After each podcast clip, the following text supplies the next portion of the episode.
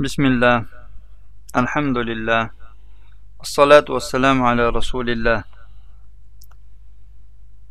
o'tgan darsimizda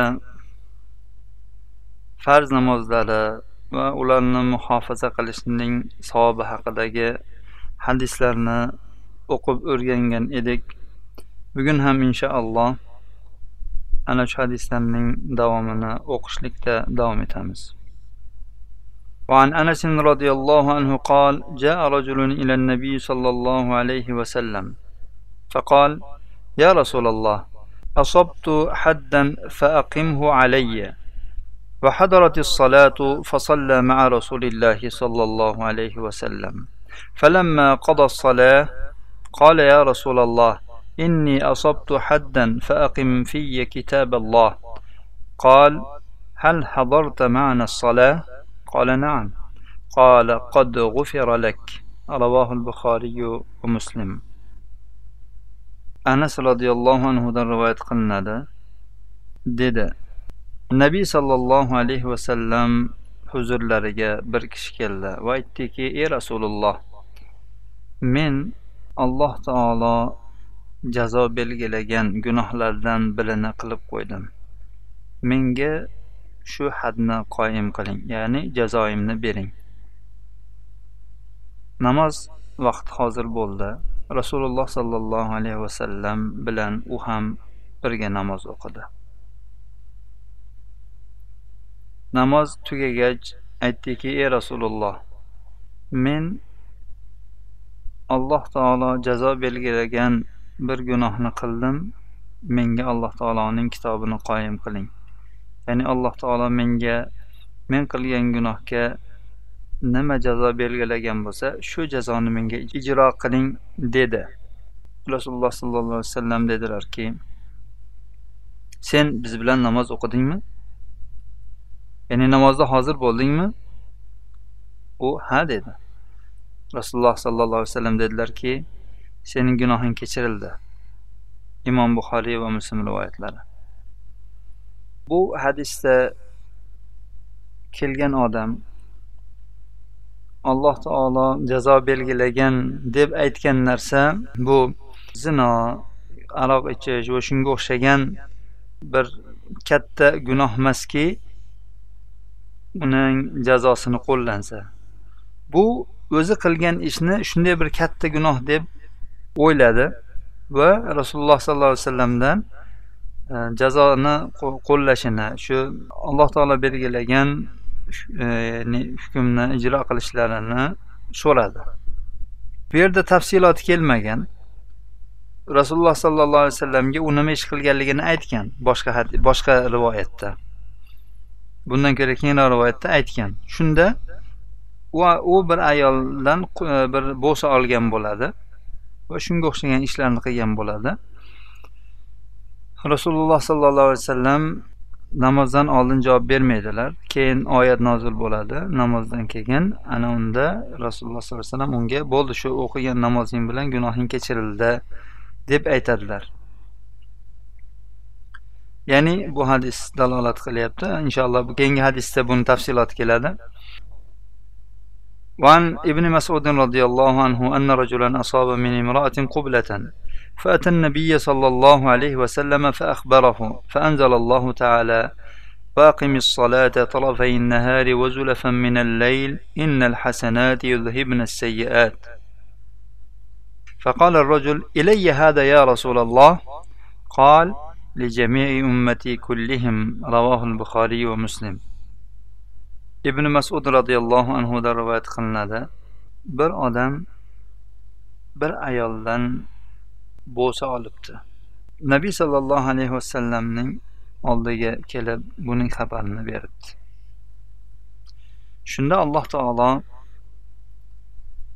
rasululloh sollallohu alayhi vasallamga buyurib siz kunning ikki tomonida ertalab ham kechki paytda ham va kechqurundan bir soatda namozni qoim qiling ado qiling.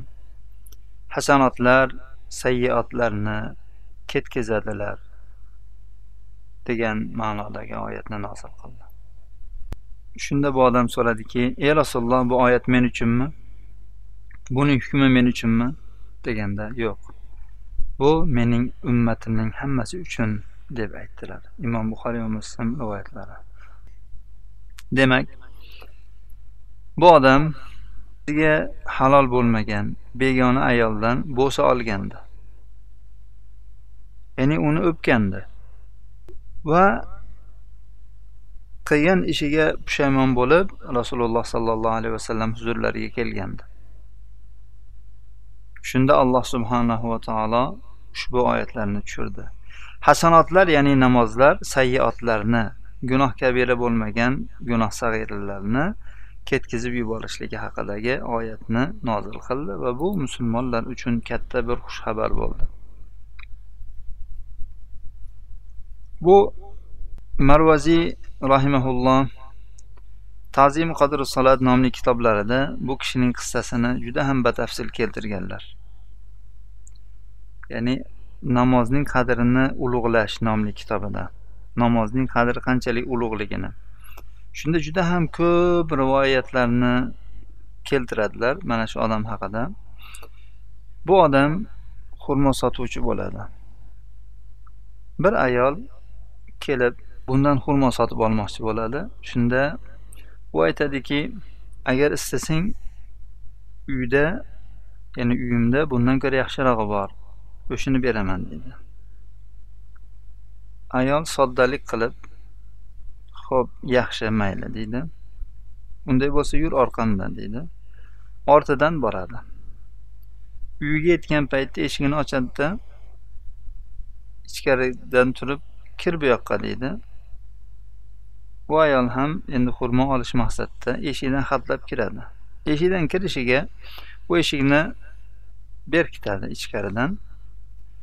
Va u ayol bilan jamoadan boshqa hamma ishni qiladi. So'ngra bu qilgan ishidan juda ham qattiq pushaymon bo'ladi. Ya'ni shaytonning vasvasasi hmm, vasvasa ustida qilar ishni qildi keyin o'ziga kelgandan keyin pushaymon bo'lib rasululloh sollallohu alayhi vasallam huzurlariga keladi. Va bu qilgan ishini e, ya'ni go'yoki bir zino qildim deb o'ylaydi. Va rasululloh sollallohu alayhi vasallamga hammasini aytib beradi. Nima qilding? Shu shu shu ishlarni qildim. Ya'ni erkak ayoli er ayoli bilan qiladigan hamma ishni qildim faqat jimodan boshqasini deb aytadi. Shunda rasululloh sollallohu alayhi vasallam unga javob bermaydilar. Namoz vaqti bo'ladi namoz o'qisha o'qiydilar. Namozdan keyin namozdan keyin shu oyatlar nozil bo'ladi. Shunda rasululloh sollallohu alayhi vasallam haligi odamni chaqiringlar deydilar. Va u odamga shu oyatlarni o'qib beradilar. Va ana shu qilgan ishlaringni hammasiga shu hozirgi o'qigan namozing kafforat bo'ldi ularni yuvib tashladi deydilar. Bu mo'min musulmon odamga xushxabar bo'lishi kerak. Shaytoniy fikrlar kelishmas xursand bo'lish kerak. Ya'ni namoz o'zini o'qigan namozi shunday kuchli ekanki shunchalik gunohlarni ham yuvib yuborar ekan. U o'ylamasinki ha bo'lmasa men hamma ishni qilaman ana undan keyin bitta namoz o'qib qo'ysam bo'ldi deb o'ylamasin. U o'qigan namoz u gunohlarni yuvadimi yoki yuvmaydimi? Bu bir. Ikkinchidan o'tgan darsda aytib o'tdik ulamolarni ba'zi birlari aytganki agar gunoh kabira qilmagan bo'lsagina farz namozlar gunoh sag'iralarga kafforat bo'ladi deyilgan. Lekin bu so'z e, marjuh so'z e, namozlar kafforat bo'laveradi. Gunoh sag'irani qasddan qilib yurish unda davom etish gunoh kabiraga aylantiradi. Shuning uchun insonga bu shaytoniy fikrlar kelishi kerak emas balki rahmoniy fikr kelib alloh taoloni fazli marhamatidan xursand bo'lish kerak. وعن ابي هريره رضي الله عنه قال قال رسول الله صلى الله عليه وسلم يتعاقبون فيكم ملائكه بالليل وملائكه بالنهار ويجتمعون في صلاه الفجر وصلاه العصر ثم يعرج الذين باتوا فيكم فيسالهم ربهم وهو اعلم بكم كيف تركتم عبادي؟ فيقولون تركناهم وهم يصلون وأتيناهم وهم يصلون. رواه البخاري ومسلم. وزاد ابن خزيمة في رواية له بنحوه فاغفر لهم يوم الدين. أبو هريرة رضي الله عنه در رواية قلنا ده رسول الله صلى الله عليه وسلم ددلال سزلدا يعني سزلنين ichingizdan kechasida bir jamoa farishtalar kunduzda bir jamoa farishtalar almashib turadilar. Ular fajr namozida va asr namozida jamlanishadi. So'ngra sizlarda tunagan farishtalar osmonga ko'tariladilar. Robbilari ulardan so'raydi holbuki u sizlarni ulardan ko'ra yaxshiroq biluvchidir. Mening bandalarimni qanday holda qoldirdinglar? Ular aytadilarki biz ularni namoz o'qiyotgan hollarida qoldirdik va ularning oldiga ham namoz o'qiyotgan hollarida borgandik. Imom buxoriy va muslim rivoyatlari. Ibn huzayma o'zining rivoyatida mana bu ziyodani ham keltirganki farishtalar aytishadiki ularni qiyomat kunida gunohlarini mag'firat qilgin deyishadi. وعن زهير بن عمارة رضي الله عنه قال سمعت رسول الله صلى الله عليه وسلم يقول لن يلج النار أحد صلى قبل طلوع الشمس وقبل غروبها. يعني الفجر والعصر رواه مسلم. زهير بن عمارة رضي الله عنه در رواية قلنا دلال من رسول الله صلى الله عليه وسلم دن شندي ديات كلن اشتم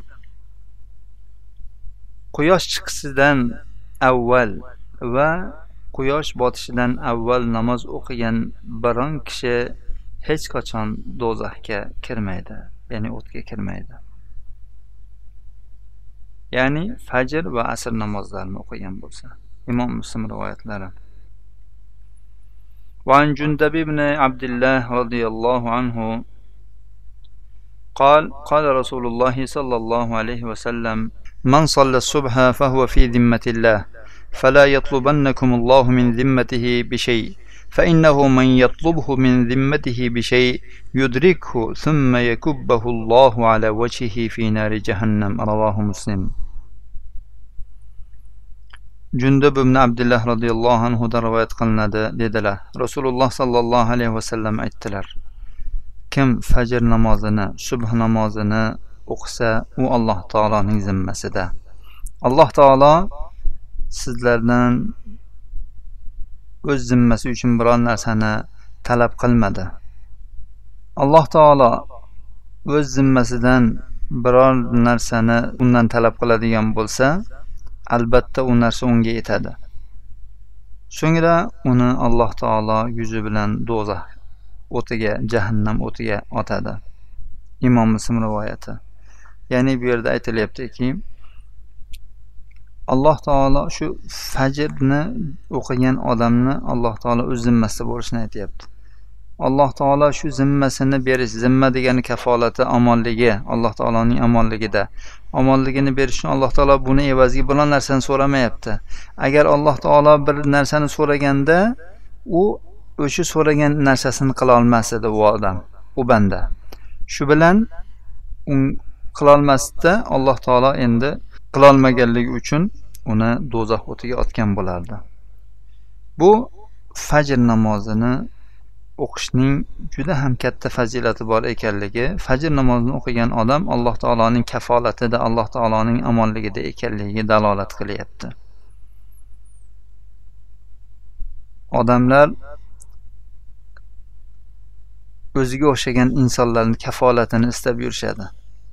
Kim meni himoyasiga olarkan deb. Fajrni o'qing siz alloh taoloning himoyasidasiz وعن معاوية بن الحكم وعن معاوية بن الحكم رضي الله عنه قال قال رسول الله صلى الله عليه وسلم إن هذه الصلاة عرضت على من كان قبلكم فضيعوها فمن حافظ عليها كان له أجره مرتين يعني العصر رواه مسلم muoviyat ibn al hakam roziyallohu anhudan rivoyat qilinadi. Dedilar rasululloh sollallohu alayhi vasallam aytdilar mana bu namoz ya'ni asr namozi sizlardan avvalgi ummatlarga arz qilindi berildi.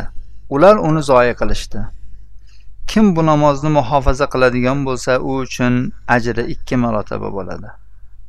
Imom muslim rivoyatlari. Bu asr namoziga alohida e'tibor berib o'qishlikka dalolat qilyapti. Alloh subhanahu va taolo o'qib o'tgan hadislarimizga chiroyli amal qilishni nasib aylasin. Bu namozlarning aytilgan fazillari garchi biz ularni bilmasakda buni qalbimizda bu narsalarni e'tiqod qilmasakda alloh taolo beradigan fazilatlardir. Lekin biz bularni bilib o'rgandik.